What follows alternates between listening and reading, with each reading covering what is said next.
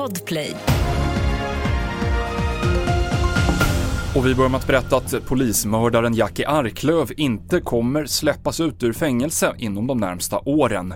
Hovrätten river upp ett tingsrättsbeslut från i somras om att tidsbestämma straffet, vilket innebar att Arklöv kunde släppas fri 2026. De andra två som dömdes för polismorden i Alexander 1999, Andreas Axelsson och Tony Olsson, har sedan tidigare släppts på fri fot. Hunden som attackerade en tioårig pojke i Kortedala i Göteborg förra veckan kommer avlivas, det har Länsstyrelsen beslutat. Hunden hade angripit barn vid två tidigare tillfällen och även bitit en hund som skadades så svårt att den fick avlivas. Och ikväll klockan 11 minuter över 11 svensk tid skjuts SpaceX rymdraket Falcon 9 upp med Linköpingsbon Marcus Wandt ombord. Han blir då den tredje svensken i rymden och ska i två veckor vara på den internationella rymdstationen ISS. Vi hör Johan Markopoulos, kommunikationsansvarig på Rymdstyrelsen. Det är fantastiskt spännande.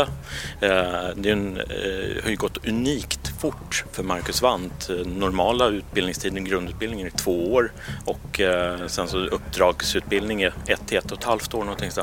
Och eh, Marcus gör allting på under ett år. Och du kan följa uppskjutet ikväll på tv4.se eller på TV4 Play.